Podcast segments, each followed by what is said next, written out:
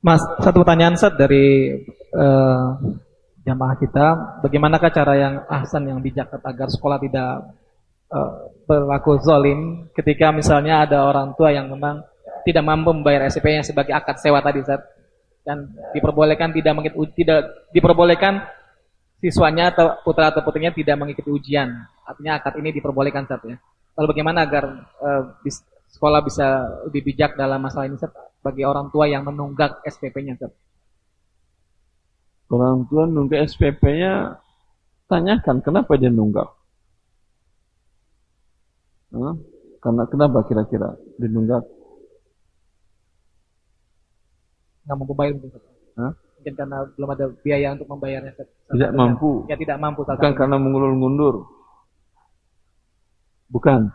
Beda. Ada yang dia mampu tapi untuk biaya sekolah anak biasa sering lupa dia. Kapan tanggal harus bayar uang sekolah anak. Ya atau tidak? Iya betul. Ah. Tapi untuk uang sewa motor segala macam leasing nggak pernah lupa dia.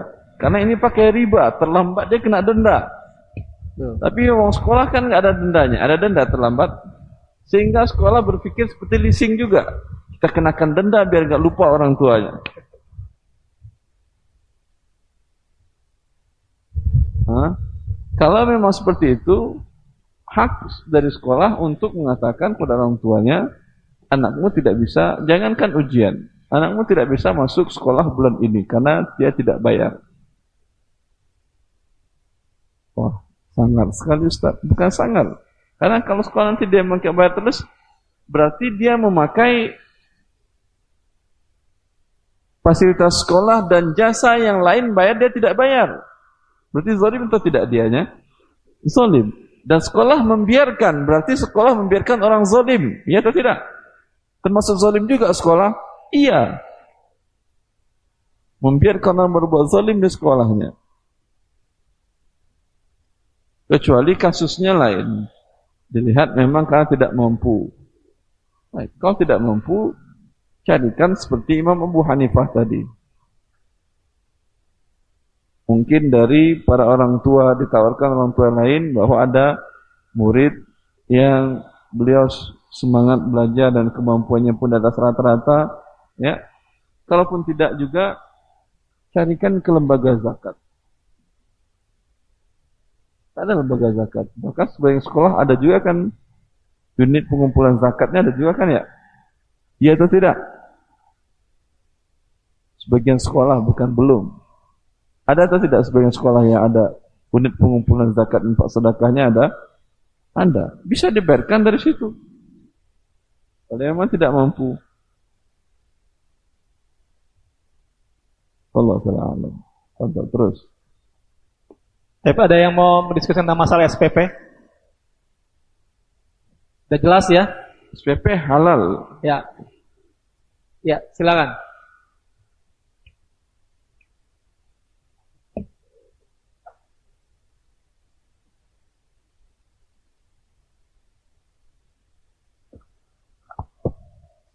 Assalamualaikum warahmatullahi wabarakatuh. Assalamualaikum warahmatullahi wabarakatuh. Uh, ada dua pertanyaan yang saya tanyakan Ustaz. Kurang jelas ya, Kurang jelas. Oke. Yes. Pertanyaannya uh, ada satu institusi pesantren yang dia bukan hanya mengelola peserta didik dari yang mampu, tapi dari, dari yang... yatim.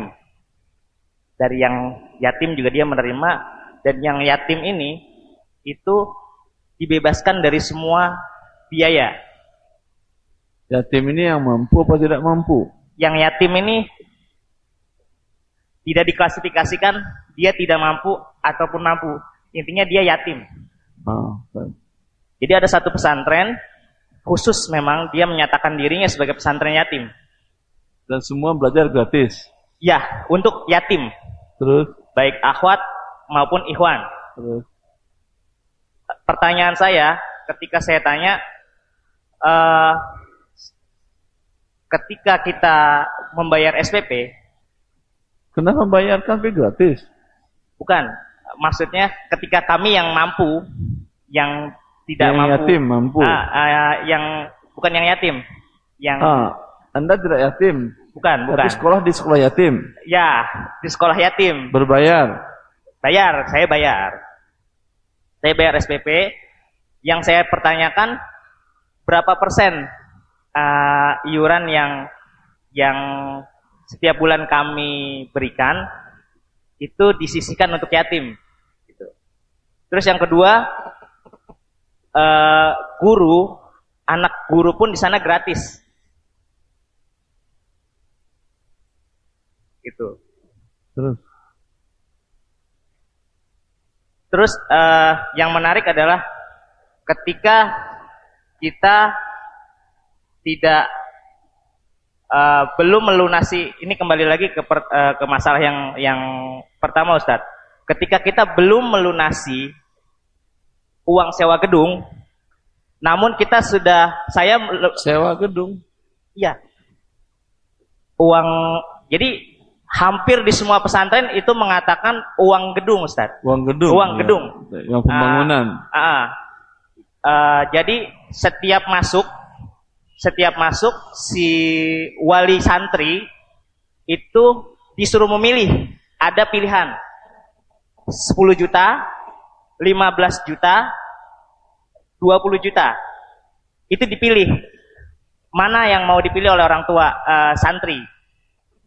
Nah menariknya, karena anak saya statusnya adalah siswi SMP atau sanawiyah ya, berarti kalau saya berpikirnya, kalau akadnya tadi Ustadz bilang sewa, saya berpikir kalau sewa berarti 36 bulan saya sewa di sana, dibagi dengan kalau saya bayar 10 juta, ya kurang lebih 250 ribu per bulan. Bolehkah akad itu? Jadi uang bayaran SPP-nya 1 juta, ditambah uang sewa gedung 250. Jadi 1 juta 250 setiap bulan. Kalau Ustadz bilang tadi akadnya goror. Nah, boleh nggak kalau transaksinya saya membayar yang 10 juta itu tidak sekaligus. Karena pihak pesantren bilang, kalau Anda tidak melunasi uang yang 10 juta, anak Anda harus akad kaki dari pesantren ini. Dipulangkan. Meskipun saya sudah bayar SPP Ustadz. Jadi saya dulu kan bayar SPP dulu karena menurut saya SPP itu adalah biaya rutin yang mereka keluarkan untuk operasional pesantren. Itu persepsi kami dari wali santri. Nah, ini curhatan saya ya sebagai wali santri hampir kurang lebih 80% di Indonesia biaya pesantren itu betul-betul mandiri Ustadz. Nah, menariknya ada juga eh, cash flow atau arus masuk kas dari sumbangan dana luar dari CSR atau biasanya perusahaan-perusahaan punya CSR. Selesai. Ya.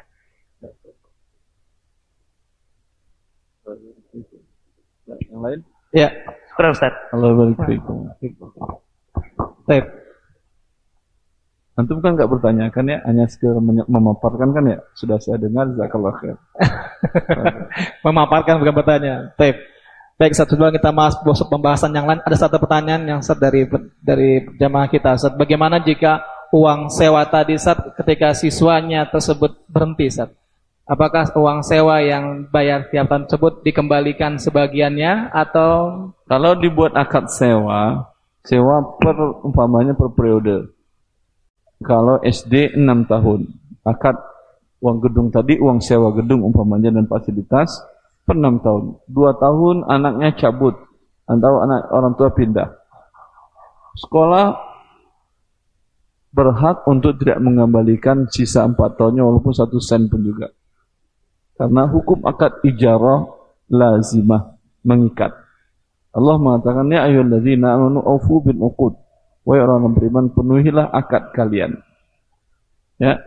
Apa arti penuhi akad kalian? Akad untuk enam tahun sewa tadi, kemudian di tengah jalan dia cabut. Kalau tidak redo pihak sekolah tidak bisa dia mendapatkan uangnya dan halal buat sekolah itu. Sama seperti A menyewakan rumah kepada B selama satu tahun. Baru satu bulan si B tadi pindah ke kota lain. Dia minta sisa 11 bulannya. berhak bagi pemilik rumah untuk tidak tidak memberikan walaupun satu sen. Dengan syarat selama akhir sampai akhir tahun tadi, rumah tidak boleh ditempati oleh si pemilik atau disewakan ke pihak lain karena ini sudah milik disewa oleh orang yang pertama tadi.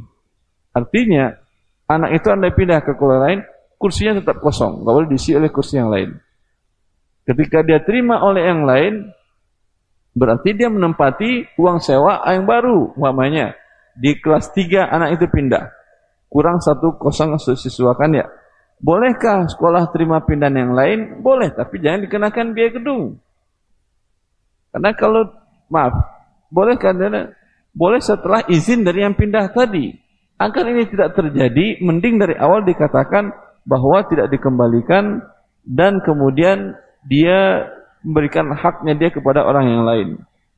Ketika kelas itu kosong satu kursi. Wallah tenang. Anda beli tiket pesawat. Hah?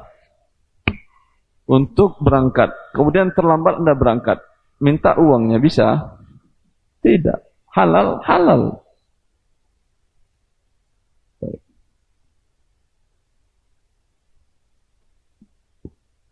Baik.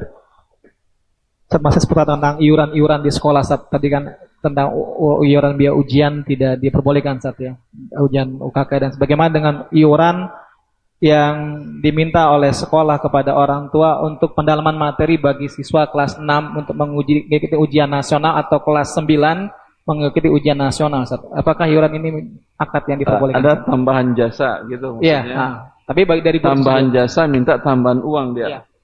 Baik. Ketika pengurangan jasa tidak dikurangi uangnya. Hah? Maaf Ustaz apa? Ketika hari libur, namanya guru darurat rapat, ah, dikurangi enggak uang sekolahnya? Tidak. Tapi ketika ada tambahan pendidikan, diminta uang tambahannya? Iya. Iya. Boleh. Kalau setuju tidak ada masalah. Kalau saling sepakat tidak ada masalah. Kalau dikatakan ada kelas pendalaman. Yang mau silahkan ada uang tambahan. Karena akan ada tambahan jam mengajar para guru di luar jam yang sudah ada akad selama ini. Jelas? Ya. Hukum asalnya boleh, Allah taala Baik. Masih Tapi bukan mengikat. Yang tidak mau hak dia. Sama tidak mengikat saja. Tidak mewajibkan kepada siswa tersebut saja. Ya? Baik. Baik, uh, mengenai iuran juga yang lain tentang iuran uh, rihlah, Sat yang di mana diwajibkan rihlah. Iya, rihlah bagi bagi siswa untuk membayar biaya iuran rihlah ini, Ustaz. Apakah harus seperti diperbolehkan, Ustaz? Ikut nggak ikut harus bayar? Wajib, wajib ya. Hah? Ya, wajib. Zolim lagi kan ya. Dia nggak ikut tapi bayar. Ikut. Ah, apa tuh? Uang rihlah ah. yang ikut nggak ikut harus bayar atau yang hanya ikut saja yang bayar? Diwajibkan ikut dan mewajibkan membayar, Ustaz. Iya dia harus bayar walaupun dia sakit nggak pergi pun bayar juga. Iya. Harusnya orang sakit kan disumbang dibantu kan ya. Ini enggak diperas. Gitu? Iya kan.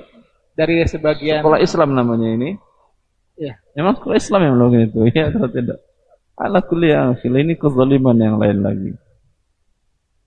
Oleh karena itu, Allah Ta'ala sesuatu yang sebentar, sesuatu yang bagus dari contoh yang lain mungkin bagus Anda laku ambil. Saya melihat kalau di Saudi Arab Saudi setiap sekolah dilarang oleh dinas pendidikan mereka untuk melakukan kegiatan apa pun di luar jam mengajar. Hah? Di luar jam mengajar seperti rihlah segala macam tidak boleh. Karena ini kesempatan wallah taala alam ya. Seperti dengan tadi. Kalaulah yang mengadakan rihlah ini bukan pihak sekolah. Hah? Orang yang tidak mampu, yang sakit nggak bakal dia bayar, nggak bakal dia ikut.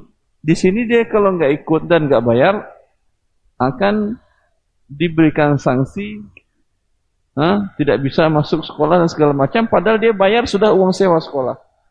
Asal dasar apa lagi akad yang kedua ini? Bisa gini Ustaz, ketika siswa Maka ini Allah Ta'ala manfaat rihlah itu apa? Yang ada rihlah talibul ilm itu adalah rihlah ke ulama fulan ngambil hadis, ngambil sanad. Hah? Itu yang ada rihlah. Ini rihlah pergi ngapain? Piknik itu apa artinya? Hah?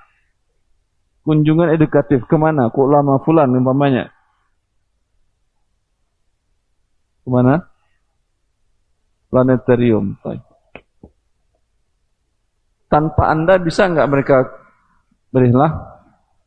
Bisa. Dengan orang lebih baik mana dia rela pakai sekolah atau pakai orang tuanya? Pakai orang tua lebih baik. Makanya Allah Taala alam.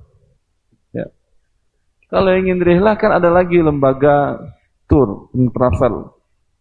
Silakan rihlah, mau ke Turki, mau ke Mesir, mau ke mana lagi ke negara-negara Muslim yang mubah dikunjungi, bagus.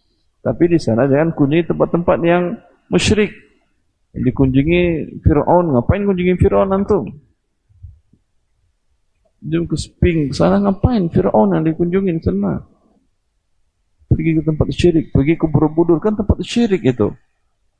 Studi tur apanya? Itu berarti studi syirik.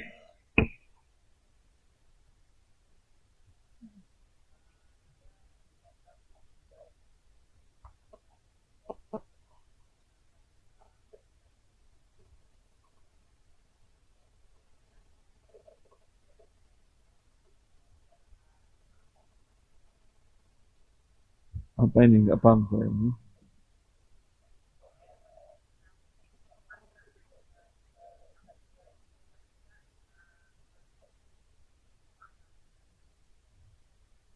Planetarium. Tanpa planetarium bisa anak itu ikut ujian? Bisa. Udah ngapain ke sana?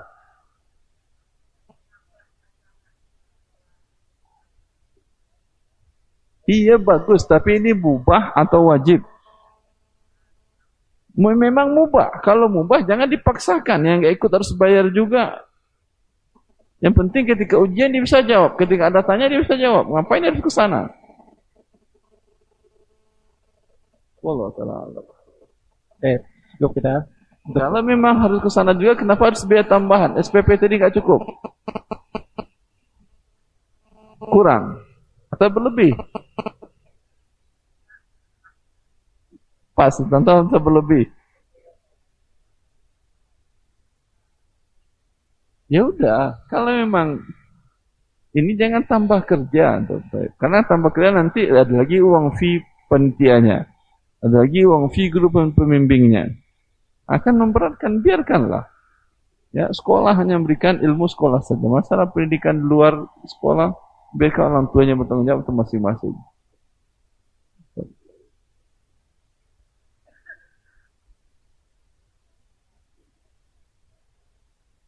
Anda berarti belajar di luar kelas, ruang kelas. Berarti kelas sudah nggak nyewa lagi. Balikan uang sewanya pendidikan luar kelas. Iya kan kalau dia udah keluar kelas berarti kan nggak nyewa kelas. Tadi dia sudah bayar uang sewanya. Paham? Berarti uang sewa tadi bisa untuk biaya di luar kelas tadi. Kenapa dikenakan biaya baru? Itu saja. Dia antum suruh belajar di mari kita belajar di luar kelas. Tapi ada uang gedung. Pak, kita belajar di luar gedung kok ada uang gedung?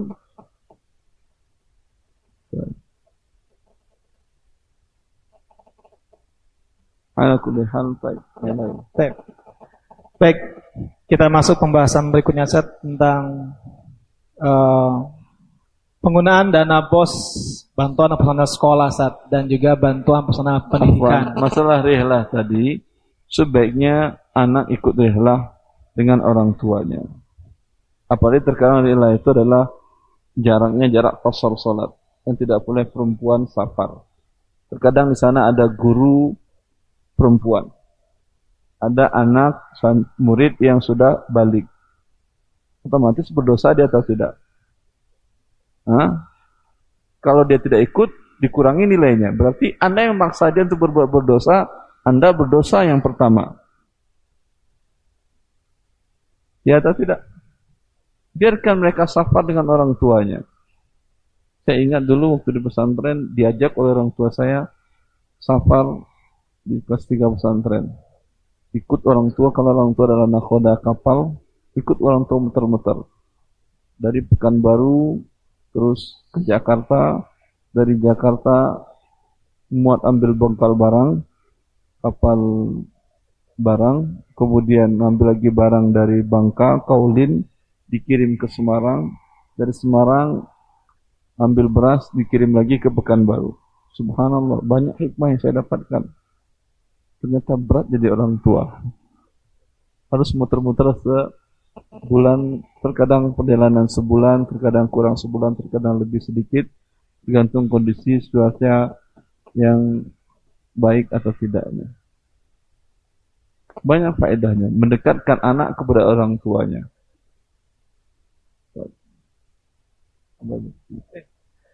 Baik untuk uh, penjelasan dari subbahasan kita tentang SPP sedikit saya uh, sampaikan kembali Ustaz, mohon dikoreksi.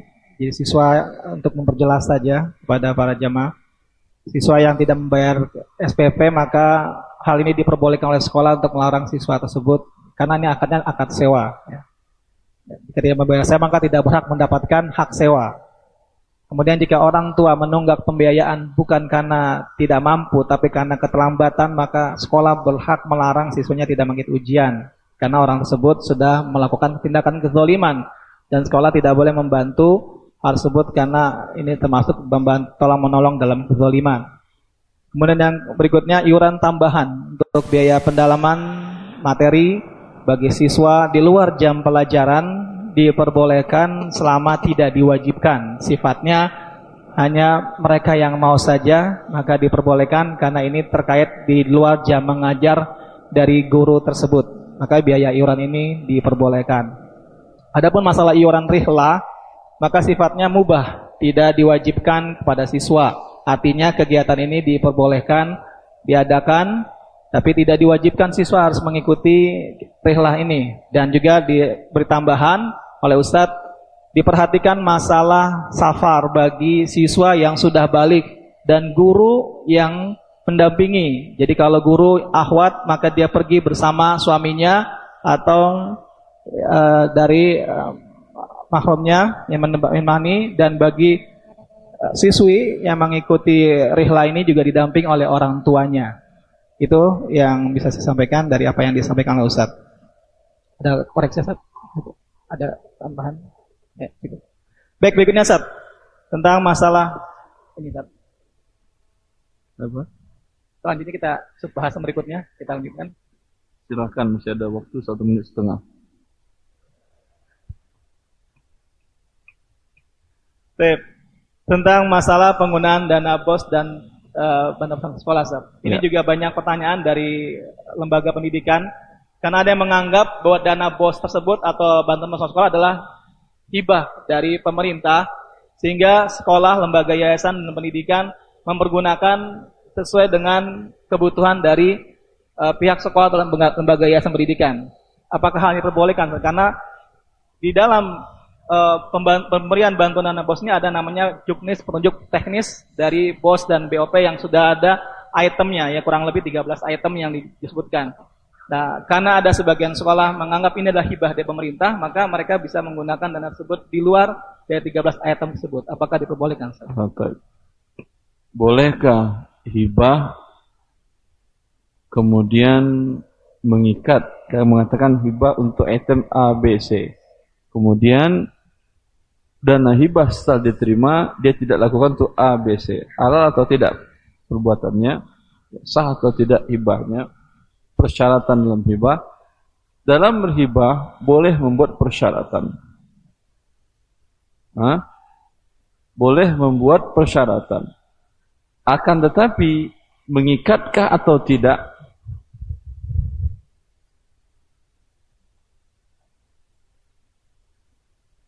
Dalam akad secara fikih, setelah barang diterima, umpamanya saya menghibahkan buku kepada fulan dengan syarat saya katakan baca dari awal sampai akhir, ha?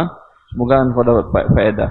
Ternyata setelah dia terima, seminggu setelah itu ada orang yang ingin teman dia dari jauh dan datang jauh-jauh dari cari Jakarta buku ini sudah tidak ada lagi. Dia beli kepada beliau dan dia jual. Halal atau tidak perbuatannya ini? Halal. Jelas? Dengan syarat kalau saya tidak minta laporan. Kalau dana bos ini secara syar'inya gunakan item ini kemudian dia gunakan untuk yang lain. Halal, halal kalau dananya hibah. Jelas? Tetapi nanti ada laporan atau tidak dari pihak sekolah ke pihak Diknas? Ada. Laporannya bohong atau sama?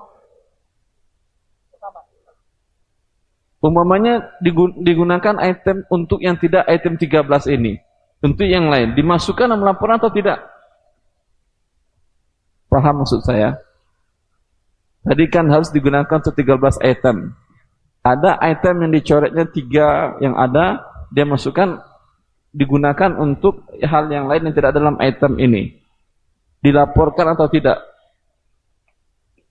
Kalau aturan tersebut di dalam juknis bos kewajiban Anda harus melaporkannya karena syarat dari awal itu tadi. Ketika Anda tidak laporkan Anda berarti berdusta. Atau dilaporkan dengan cara itu tidak yang dilaporkan berarti seolah-olah seperti yang disyaratkan ternyata tidak. Berarti bohong atau tidak ini namanya? Iyakum wal kadhib kata Nabi. Wa innal kadhiba yahdi ilal fujur. Wa innal fujura yahdi ilal nar. Wa la yazalu ar-rajulu yakdzib hatta yuktaba indallahil kazzab. Hindarilah berdusta. Dusta mengantarkan seseorang kepada kedurhakaan. Kedurhakaan mengantarkan seseorang kepada neraka. Seseorang selalu berdusta sehingga ditulis sisi Allah sebagai pendusta dan sisi manusia pun. Dan ini berbahaya. Ketika berdusta itu orang biasa, mungkin dampaknya hanya kepada dia sendiri. Ketika yang berdusta adalah guru, dampaknya kepada murid-murid. Nanti murid-muridnya terbiasa nanti membuat ketika mereka jadi pejabat, lihat dulu gurunya biasa membuat laporan bohong, dia bikin laporan bohong. Di mana dia belajar? Dari gurunya dulu.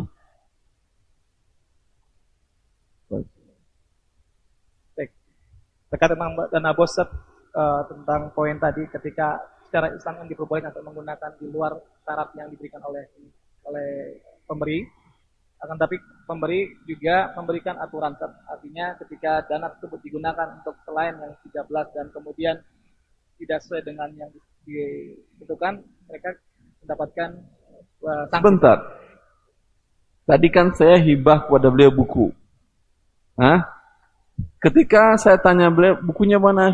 Udah najul Ustaz. Uangnya ada dan pakai juga buat biaya hidup. Halal uangnya, halal bagi dia. Tapi besok kalau dia minta buku lagi, saya kasih atau tidak? Gitu aja. Otomatis dia kan ingin buku lagi. Dengan berbohong dia, Alhamdulillah Ustaz, sudah saya makan bukunya ya sehingga masuk ke dalam perut saya. Bisa saya tes. Kalau tesnya saya di luar kemampuan Ustaz. Tapi kalau makan sudah saya makan. Karena saya jual saya ambil uang ya. Taib. Kalau ketika dalam laporan tidak jujur kan berarti ke depannya diknasnya tidak memberikan lagi bantuan. Ya atau tidak? Dengan demikian dia akan berbohong. Ya atau tidak? Permasalahannya hanya itu. Dosanya dosa berbohong.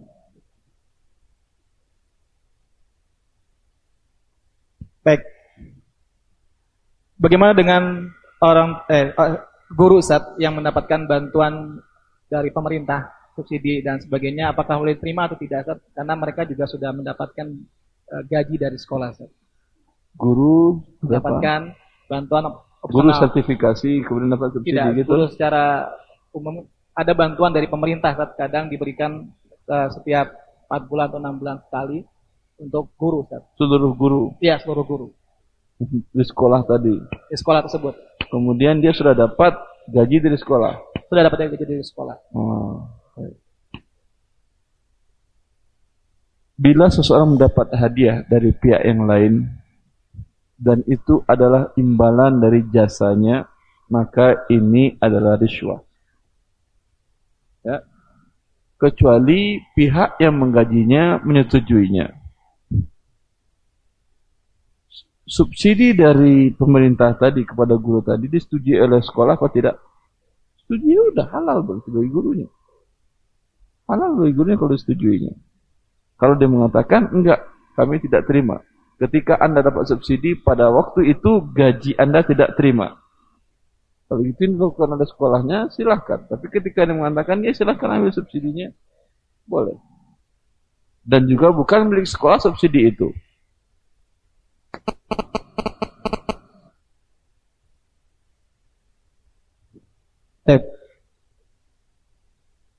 Saya pertanyaan kembali saat dari jemaah kita. Satu pertanyaan kembali. Nah, waktu sudah lewat dari tadi sekitar 6,3 menit. Kita akhir atau tentu. Ya, ke depan Dewan dia agak grogi nih.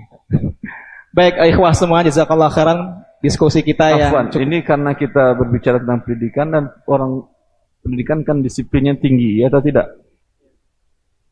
Oleh karena itu seperti kita mulai tadi tepat waktu, kita akhiri juga tepat waktu.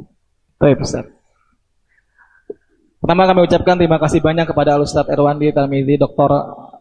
Ustaz Erwandi Tarmizi Maafullahu Ta'ala yang telah menyampaikan materi dan diskusi yang hidup tentang pendidikan ini sehingga ada gambaran bagi kita semua baik pemerhati pendidikan, bagi pengajar, bagi pengelola lembaga yayasan dan juga pengelola pendidikan ya, tentang bagaimana mengolah pendidikan yang tentunya kita bisa terhindar dari bentuk-bentuk kezoliman, bentuk-bentuk goror yang terjadi di dalam uh, jual beli jasa ini. Ya, dan tadi sudah banyak sudah disimpulkan dan beberapa poin pembahasan sudah kita bahas. Ya, mungkin memang waktu tidak cukup untuk membahas banyak hal perkara ini. Tapi apa yang disampaikan oleh beliau sudah cukup banyak menjawab apa yang menjadi pertanyaan-pertanyaan di kepala kita, baik kepala orang tua, guru, ya, kemudian juga pengelola pendidikan. Yang kita harapkan dari sini setelah mendapatkan solusi dari beliau adalah tentunya untuk lebih baik lagi dalam dunia pendidikan. Tidak hanya tadi sampaikan oleh Ustadz, pendidikan itu mahal, tidak murah. Maka ini juga menjadi perhatian dari orang tua untuk memperhatikan guru-guru dan terutama dalam memperhatikan kesetaraan guru, baik dari orang tua maupun dari lembaga yayasan pendidikan terhadap guru-guru eh, yang sudah mengabdi dan juga memberikan pengajaran dengan waktu yang cukup panjang ya, kepada putra, kepada para anak didiknya. Karena tadi sampai oleh Ustadz, ya, ini guru adalah merupakan untuk membuat orang ya, tidak seperti membuat mesin, minyak dan juga bangunan. Tapi ini membuat orang yang tentunya adalah ini lebih lebih baik ya, daripada itu semuanya. Akhir kalam, saya pribadi, kami pribadi mohon maaf jika dalam acara ini ada kesalahan kata ataupun hal yang kurang berkenan, mohon dimaafkan dan dibukakan pintu maaf yang sebesar-besarnya.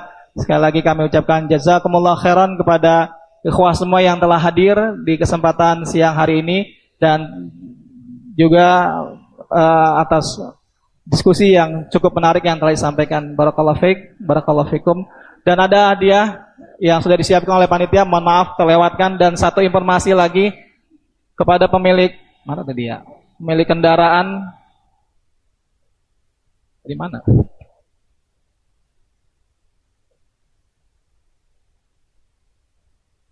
Diinformasikan kepada pemilik kendaraan B1782 KYC Serena hitam dan B1002 KMR Kijang merah Mohon dipindahkan terlebih dahulu karena ada kendaraan yang akan keluar. Kami ulang B1782 KYC Serena Hitam dan B1002 KMR Kijang Merah. Ada dua pertanyaan yang akan diberikan oleh Ustaz. Silakan Ustaz untuk ini untuk hadiah diberikan. Silakan. Bismillah. Pertanyaannya tunjuk tangan dulu siapa yang bisa jawab. Tunjuk dulu sebelum ya, ditanya pertanyaan. Tunjuk dulu. Silakan ke depan. Ini tidak pertanyaan dulu.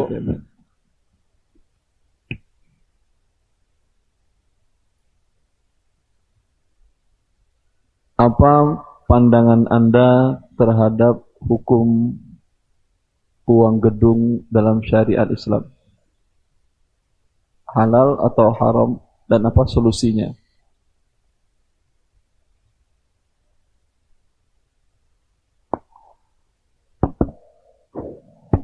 Bismillahirrahmanirrahim. Assalamualaikum warahmatullahi wabarakatuh. Assalamualaikum. Uh, pandangan saya pribadi terhadap uang gedung yang terjadi sekarang ini sesuai dengan apa yang tadi disampaikan oleh Ustaz kita, Ustaz Erwandi, bahwa itu tidak boleh. Ustaz. Tidak boleh. Iya. Solusinya? Solusinya berarti kita harus memperbaiki, merubah. Perbaiki ke depan. Ya, solusinya kita. Asalkan ambil hadiah satu. Adalah. Adalah, adalah. Masya Allah. Jazakallah khair. Alhamdulillah. barakallah. Baik, satu Pertanyaan pertanyaan kedua untuk ibu-ibu atau akhwat. untuk Ada. akhwat. Yang kedua Ada untuk akhwat. Ada Ada mic di sana nggak ya? Akhwat, antum akhwat. Bukan akhwat, akhwat. Ada akhwat. Akhwat di belakang. Tidak ada terlalu Iya. jauh, silakan bapak-bapak aja. Ya bapak-bapak, silakan. Langsung maju ke sini. Maju aja maju. Ya, yang sudah berdiri berarti sudah. Ya, beliau berarti yang duluan. Masya Allah, tabarakallah. Uh, apa? Antum dari pihak sekolah atau dari orang tua siswa atau antum atau siswa sendiri? tiga-tiganya Ustaz. Tiga-tiganya, siswa juga, orang Siswa tua orang juga. tua juga, pemilik sekolah juga. Masya Allah. Pertanyaannya, bagaimana pandangan Anda hukum syariat Islam dalam masalah rihlah sekolah? Eh rilah sekolah, kalau mudaratnya lebih besar, lebih baik tidak usah apalagi menyangkut usia seorang eh, Kalau menurut besar lebih baik lebih baik, berarti bukan pendapat Anda. Pendapat Anda itu boleh, tidak, halal, haram. Itu pendapat Anda. secara syariat Islam itu mubah, Ustaz. Hah? Mubah? Mubah, iya. Boleh. Boleh, dibolehkan sepanjang tidak eh, memberatkan eh, eh, wanita Selama tidak memberatkan. yang Terus, eh, wali wali santri atau eh, wanita yang ikut rilah tersebut terkait dengan usianya atau guru-guru akhwat yang eh, tidak didampingi oleh mahram makanya tidak boleh. baik, Masya Allah. Fadol, silahkan. Ambil hadiah. Ya silakan Masya Allah Barakallahu fiik. Baik. Demikianlah uh, diskusi kita tentang dunia jual beli jasa dalam dunia pendidikan yang telah kita simak bersama. Kami, kami sampaikan terima kasih banyak kepada Ustaz Dr. Erwandi Tarmidi Maafullah Ta'ala Jazakallah khairan atas waktu dan materi yang telah disampaikan Dan juga atas uh, ilmu yang telah diberikan Semoga Allah menjaga beliau Memberikan keberkahan kepada beliau dan juga menjaga keluarga beliau dan terus meluaskan keilmuan beliau sehingga makin banyak faedah ilmu yang dapat kita ambil. Kita akhiri dengan doa kafatul majelis subhanaka Allahumma wa bihamdika asyhadu alla ilaha illa anta astaghfiruka wa atubu ilaik. Wassalamualaikum warahmatullahi wabarakatuh.